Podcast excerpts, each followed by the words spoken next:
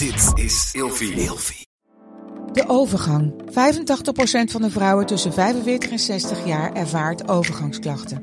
Klachten die kunnen leiden tot een verkeerde diagnose of langdurige arbeidsongeschiktheid. Wat kun je doen als je overgangsklachten ervaart? Hoe maak je dit bespreekbaar op je werk? En als jouw medewerker bij jou komt, wat kun je als werkgever dan doen? Sector Instituut Transport en Logistiek heeft een kennisplatform ontwikkeld waar jij terecht kunt voor tips en adviezen. Wil je hier meer over weten? Kijk dan eens op stl.nl/slash overgang.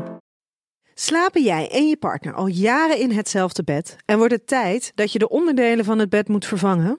Dit is het perfecte moment om je gehele bed te vernieuwen. Je krijgt namelijk extra korting bovenop de lopende kortingen bij Emma Sleep met de code RELATIEVRAGEN in hoofdletters. Dus ga snel naar emmasleep.nl en bestel jouw bed.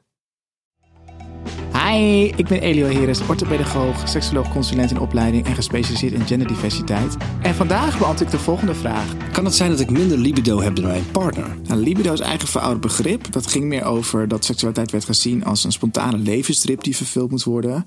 En van een lust die nagestreefd werd.